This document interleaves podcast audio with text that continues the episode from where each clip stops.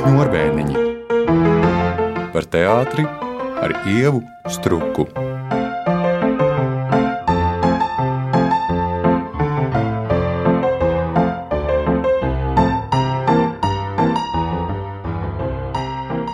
Mana viesņa raidījumā Šņurbēniņi, sezonā, kas veltīta teātras tehniskajām profesijām, ir Jeļena Bora, Mihaila Čehova, Rīgas Krievu teātra ģērbēja. Sveika! Sveika! Sveika jā.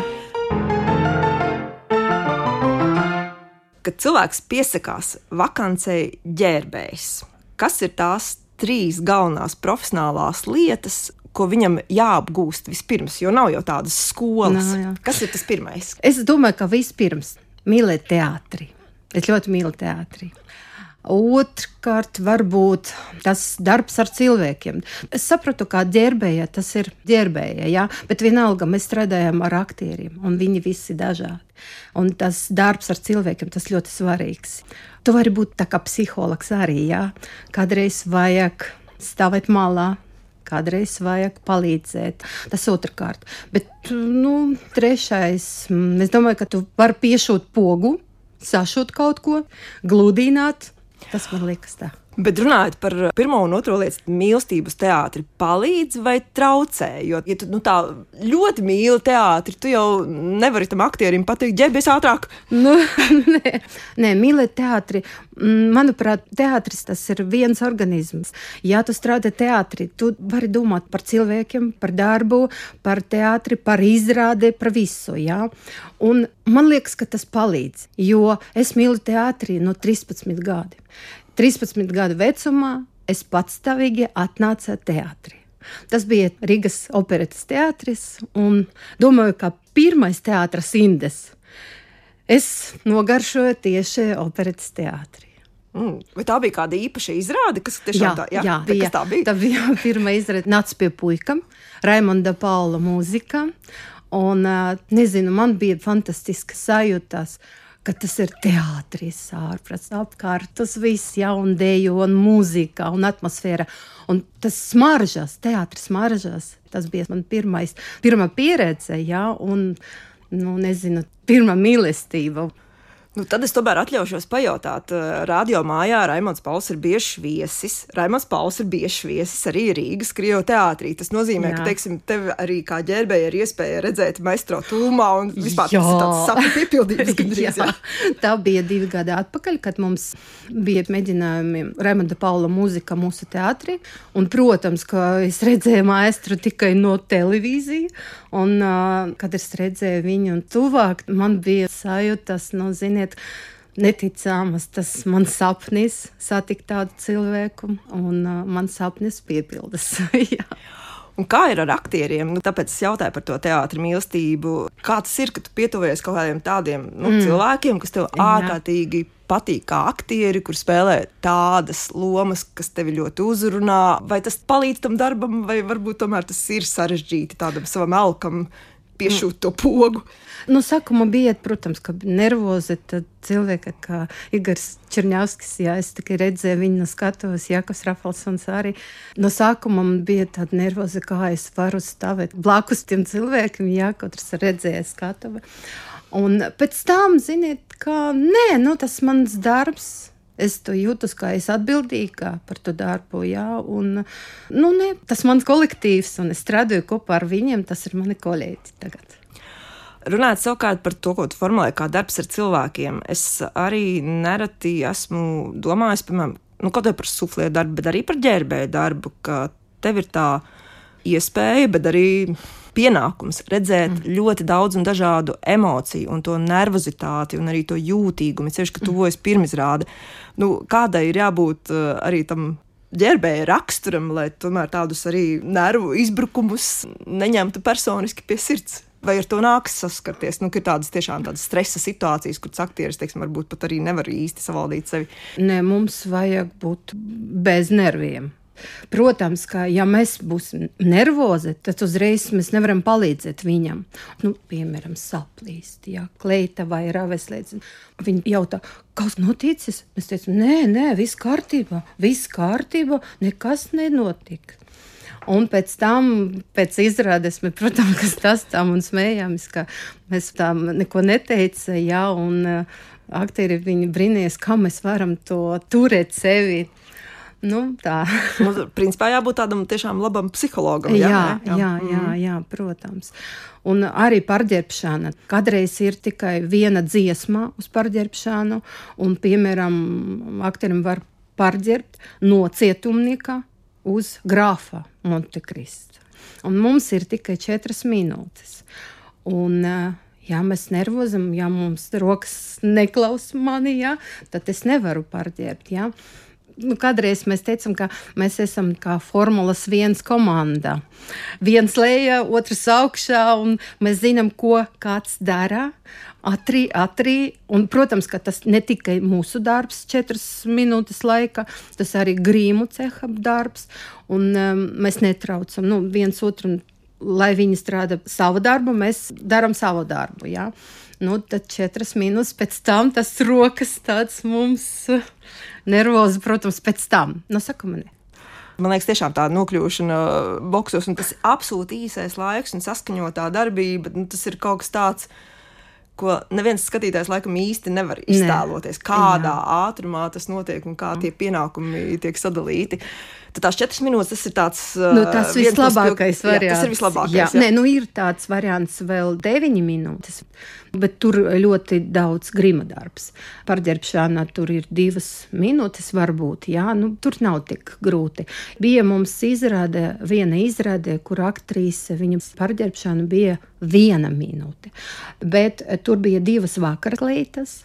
Viena ģērbēja, viņa noņēma to kleitu lejā, otra ģērbējā uzlikt virsū kleitu. Bija mana radiniece uz izrādi, un viņa teica, es nesaprotu, kā jūs varat pārģērbt uz vienu minūtu divas vakara kleitas. Tas mums ir darbs. Kas tev skaidrojums, kā cilvēkiem agrāk pietika laika tik sarežģītiem apģērba eh, gabaliem, kā teiksim, vēsturiskie stila kostīmi? Nu, es saprotu, tos Jā. valkāja tomēr negluži proletariāts, bet aristokrāti. Jā. Bet uh, kā ir šodien? Manā iztēlē tā sevi tā kā brīvdabas mm. muzejā, tu ieraugi kaut kādu ļoti senu darba rīku, un tu pat tā kā vairs nesaproti, ko ar to var iesākt. Vai ir kāds tāds tev bijis darba pieredzē, apģērbs vai stila kostīms, kur ir ilgi jādomā, kā tieši precīzi ar to vislabāk jā, un ātrāk tikt galā. Pirmais bija kazu kleitas. Es ar korsētu pirmo reizi strādāju. Nu, protams, ka es arī biju Ligavā, bet es neredzēju, kā man tur kā man bija aiz mugurā. Ja? Un tas kazu kleitas, tur daudz šņūrs, un tur vajag trenēties ļoti daudz, tāpēc ka arī ļoti ātri vajag viss sašņoriet. Ja? Un otrais variants, ka bija kursēts arī, nu, apmēram, nezinu, 18. gadsimta drēbes bija, jā. Un tas arī kursēti, viņi tādi ar rāķiem un ar, ar šņuriem. Tur bija grūti, bet mums ļoti laba kostīma māksliniece. Mums parāda visu un apmāca ar visiem, visiem, visiem sīkumiem. Jā. Tad, principā, ir jāiziet tāds apmācības kurs, lai jā, tiktu galā. Jā, jā. mēģinājuma procesa laikā mums ir tāds apmācījies kurs. Tas obligāti. Vai mūsdienu apģērbs, tāds skatuves apģērbs, bet šodienas lugās, šodienas lugu iestudējumos mēdz būt vispār kaut kas tāds tiešām sarežģīts, ko var kaut vai salīdzināt ar šāda tipa vēsturiskajiem apģērbiem. Ja mūsdienās tiešām arī uz skatuves uzvāk, tur nezinu, zeķes, kurpes. Grūts jautājums. Jā, bet vispār vai ir kaut kas tāds, kas ir sarežģīti? Nu, varbūt Atkal tas apģērbs ar aķiem ļoti, ļoti grūti ir kleitas, jā, ar aķiem ļoti daudz, kur kāzu kleitas arī, jā. Nu jā, arī arī sarežģīti, jā. jā. Mm. Un, protams, ka skatītāji neredz, cik ilgi mums vajag uh, sašņoriet un sagatavot to kleitu, jā, un uzlikt uz aktrīs. Bet, jā, mūsdienas tikai drebes ar aķiem man pašai ir diezgan skaidrs, bet es domāju, skatītājiem varbūt tas būtu interesanti, vai pie ģērbēja darba ikdienas pieder arī accessori. Nu, tādā nozīmē, ka cepures, lakati, kurpes, zābaki, spieķi, vai arī tas ir ģērbēja arsenāls, ar ko viņš strādā. Jā, jā. kostīms viņš sastāv ne tikai no kleitas. Kabatlākatiņi, kurpes arī, lakatiņš, jostas vai uh, siksnas. Nu, piemēram, mums ir tā, ka nu, es saucu par izrādes pasi, jā, kostīms un visas detaļas, kas pieder kostīmu. Jā, tur ir kabatlākatiņi, piemēram, taurēni arī ir, cepure, pat arī ir zeķis arī. Un tur jābūt eh, zeķis mm, speciāla krasa katram, jā. Ja aktierim, piemēram, gaišs apavus, tad vajag gaišs zeķis, jā, un, un kostīmu māksliniece, viņa visu nolēma, kam ko, un mēs rakstām, mums ir speciāla burtnīca, kur ir apraksta katra kostīma, katram aktierim, un kur tāds aktieris atrodas, kura ģērbtuve, jā. Un, ja, piemēram, atnāca jā, jauna kolēģi, tad mēs paradīsim, un to vajag iemācīt, tāpēc, ka to visu vajag turēt galvā. Tāpēc, ka mums kādreiz nav laika kaut ko lasīt. Uzreiz no galva mēs ņemam. Ja mēs aizmirstam, vai, vai aktrise vai aktieris, viņš aizmirsa ģērbtu vai kaut ko, tad viņam grūti spēlēt, ja, un mums satri vajag, nezinu, desmit sekundes laikā skrien uz, uz ģērbtuve un paņem to jostu vai kabatlākatiņu. Bet, ja izrādē, piemēram, nu, nezinu, 30 aktieri, puse no viņiem ir vīrieši. Kā var atcerēties, kuram aktierim ir kuras kurpes? Un, ja vēl tās kurpes, piemēram, varbūt tiek izmantotas citā izrādē, nu, tā ir tāda specifiska, fenomenāla atmiņa ģērbējuma. Nu, jā, jā. Protams, kā katrs apavus mums ir uzrakstīta, tāda speciāla vieta kaut kur, un mums ir tas uzvārds un uzraksts. Ja? Bet dažreiz mēs pati zinām, kā piemēram šitās tiem aktieriem tas kurpes, tas viņam, tas nē, nē, nē, nē, nē, nē viņam tieši tā. Nu, pārbaudīsim, jā, tieši. Jā. Nu, jā, tas no galvas viss. Jā. Kādreiz ir tāds divas apavas, ne tikai viens kostīms. Un e, ir izrādes, kur pārģērbšana trīs vai četras reizes vienam aktierim, tad viņam pieder četras kostīmas. Un, nu, varbūt divas apavus, un varbūt trīs Bet tev ir arī kāds rekords, cik vienam aktierim ir maksimāli daudz kostīmu vienā izrādē? Jā, jā, ir pēdējā izrāde Kaligula Šamiļam. Viņam pieder piecas, varbūt jā, piecas kostīmu. Tas varētu būt tāds kā rekords, ja tāds uh, nu, izrādē, ja? Jā, mana mm. pieredze, jā. Mm. Un tad man tāds jautājums, nu, pedantiskiem cilvēkiem tas parasti tā nav, bet nu, aktieri tomēr mākslinieki vai teātrī un starp aktieriem ir sastopams šis vientuļās zeķes sindroms, ka tu vienu uzvelc, un otru nu, vienkārši nav. Viņi pazūd vienkārši līdzenas vietas, nav atrodami. Ne, ir. Yep. ir. Protams, ka kādreiz ir tā, ka nu, zeķis saplīst. Mēs devam, protams, ka jaunas, bet vienalga mēs tur arī rakstam vai šujām mm. kaut kādu burtiņu vai kaut ko atzīmējam, piemēram, tam ar zāļu ar zaļu diegu, ja, vai sarkanu diegu. Vīriešiem tas nav tik bieži, ja, bet sievietes obligāti zeķu bikses jābūt aktrise savas, tikai savas zeķu bikses. Un mēs rakstam tur uzvārds vai vārds vai kaut kā atzīmējam.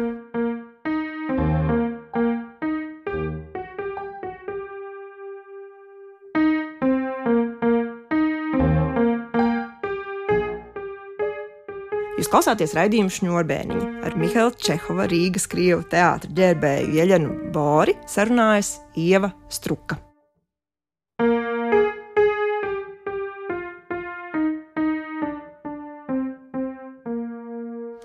Tas, ko es esmu Nacionālajā teātrī novērojis, ka, kā es redzu ģērbēju, tā es redzu viņus ar tādām ļoti smagām stangām, nesam milzīgas kaudzes kostīm. Man liekas, tas ir tik fiziski smags darbs, un nezinu, vai tas var līdzināties jebkam, kas ir teātris. Man liekas, skatuves strādniekam ir tik smags darbs kā ģērbējam. Vai tas ir arī jā, tavā darbā? Tā, es domāju, ka varbūt tas būs tas jautājums. Jā, ir tādi kostīmi, kuram svārs ir vairāk nekā 4 kg. Piemēram, svārciņa, kuram ir apakšsvārciņa, divas vai trīs. Un tas kostīms, jā, viņam svars ir vairāk nekā 4 kg. Un, protams, ka jā, kostīmi viņi uz kronšteina 10 vai 15. Un tas kronšteins var būt vairāk nekā 20 kg. O, ne kā 20, varbūt nekā 30, bet viņi uz rītēniem tas nekas jā, ģērbēji jābūt stiprs. Tāds meitenes mums nevajag fitnes zāli, mums ir mūsu darbs. Un tieši tādēļ man šai intervijai gatavoties, ienāca prātā, kāpēc ģērbējas tomēr, nu, manuprāt, simtprocentīgi, bet ir sievietes, jo vispār tas būtu tāds vīrieša cienīgs darbs. Kāds ir tas izskaidrojums, jo, nu, Vai vismaz varētu būt dalīti, nu, ka ir sieviešu galam sieviešu ģērbējs, mm -hmm. nu, vīriešu galam vīrieši, bet nu, pamatā ir tikai sievietes. Kas tad tas mm -hmm. iemesls? Mums strādāja viena sieviete no Ukrainas. Un viņa strādāja Vinnicā, Nacionālajā teātrī Vinnicā. Viņa teica, ka viņam ir divas nodaļas - sieviešu nodaļa un vīriešu nodaļa. Un vīriešu nodaļa strādā tikai vīrieši. Ģērbēji tikai vīrieši. Bet man liekas, ka mūsu teātrī tikai strādā sievietes. Mm. Es nezinu, kā citas teātris, bet mums četras ģērbējas un visas sievietes. Ne, nu, mums jā. arī vienkārši domā, bet kāpēc, jā. kāpēc neņemt darbā vīriešus nu, profesiju? Man liekas, ka vīrieši atrada citas procesus. nu, es domāju, ka viņi arī domā, ka tas ir sieviešu profesija ģērbēja. Es domāju, ka, ja, piemēram, tas vīrietis, viņam patīk teātris un viņš strādā par ģērbēju, tad kāpēc ne?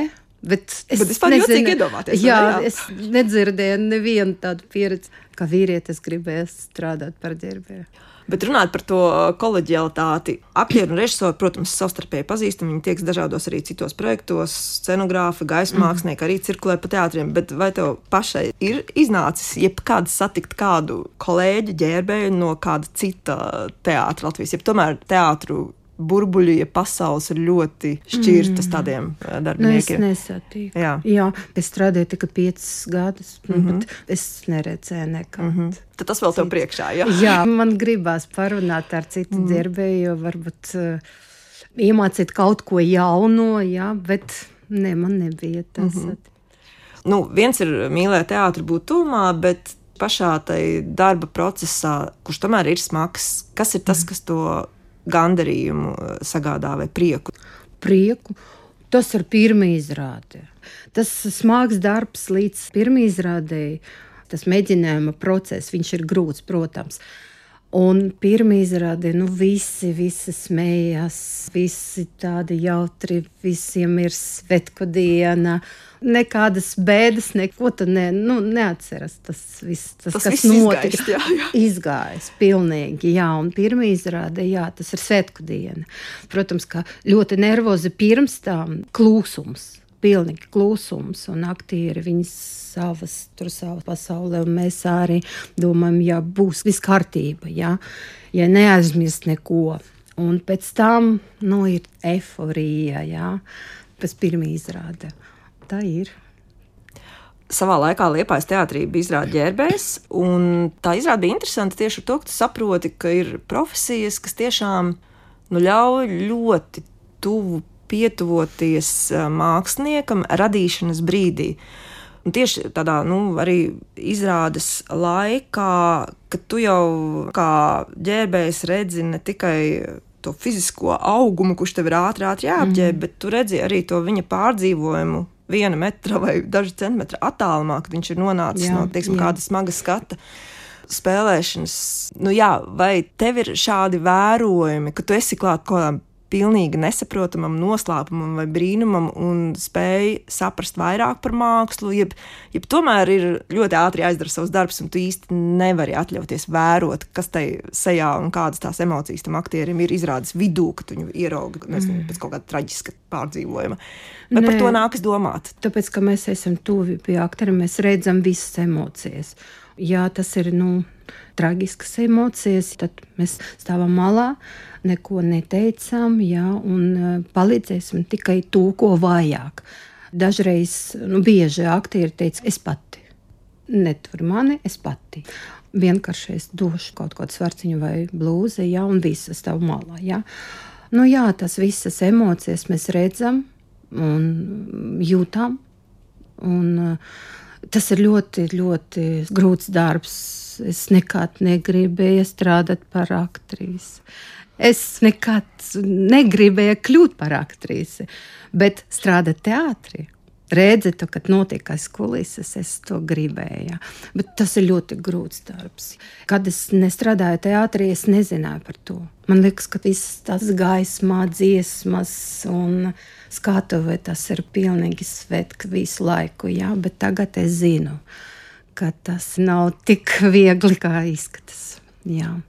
Bet, teiksim, ja tu salīdzini to mazo Iļenu, kas skatījās 13 gadu vecumā, kurai patika izrādi, un, un šodien uh, redzot tās aizkulises un to grūto teātrī ikdienu, tas teātris tev ir nu, nezinu, vēl interesantāks vai vēl noslēpumaināks, ja tu redzi arī tās visas tomēr ēnas puses. Mm, vēl interesantāk, katru dienu vairāk un vairāk. Es mīlu savu darbu, es mīlu teātri un mīlu vairāk un vairāk tas vislabākais darbs manā dzīvē. Un es gaidīju viņu 37 gadi, tāpēc, ka es strādāju citas profesijas, esmu ekonomists, inženieris ekonomists, un es strādāju par vadītāju ļoti, ļoti ilgi. Bet es ticu, ka tas skatuves puteklis, tas indes, es nogaršoju jau 13 gadu vecumā. Man mhm. patīk teātris, mm -hmm. jā. Un patīk viss, kas tur notiek. Un mīlu Un mīlu visus mūsu aktierus, mīlu manas kolēģis, un mīlu teātri. Un, un es vairs negribu nekur iet. Jā. Tas ir mana pēdējā darba vieta. Ja viss būs kārtībā, es ceru, ka viss būs kārtībā. Es gribēju, gribēju būt grīma māksliniece, 13 gadu vecumā. Jā, es domāju, ka uh, grīma māksliniece tas piemērota nu, man. Bet mani vecāki man sapnis neatbalsta nekā. Viņa teica, ka nu, tas nav profesija un teātris nav nopietns. Es iemācījos uz inženieru.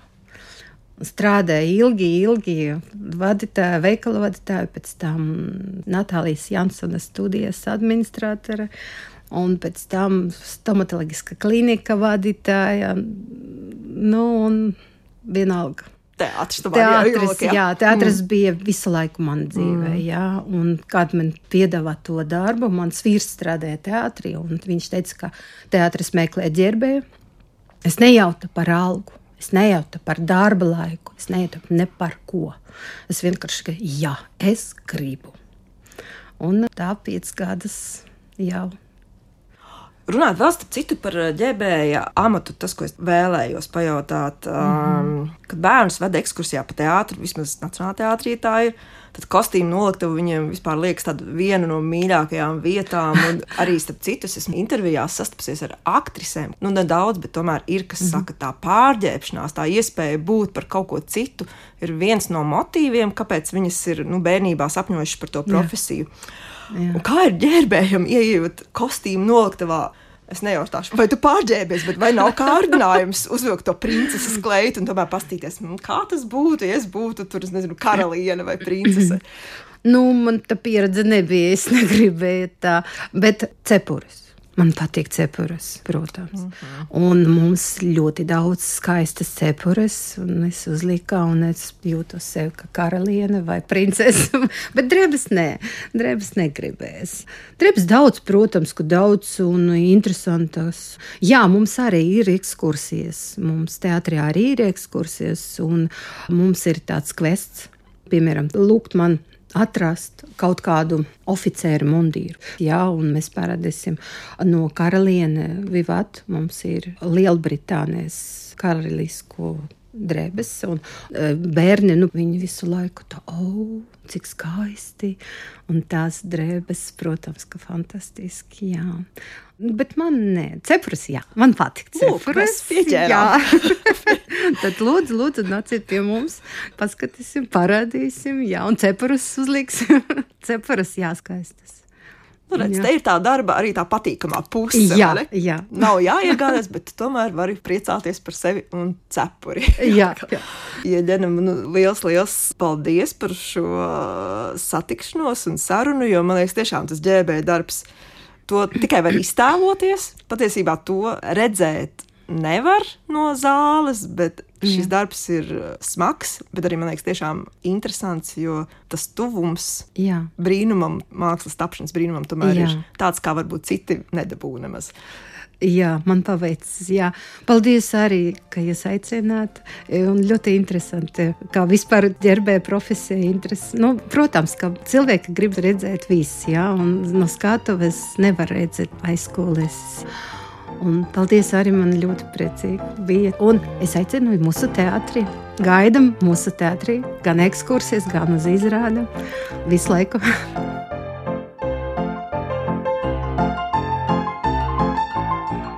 Mana viesņa raidījumā Šņurbēniņa bija Mihaila Čehova Rīgas Krievijas teātris ģērbēja Jeļena Bore. Ar viņu sarunājās Ieva Struka.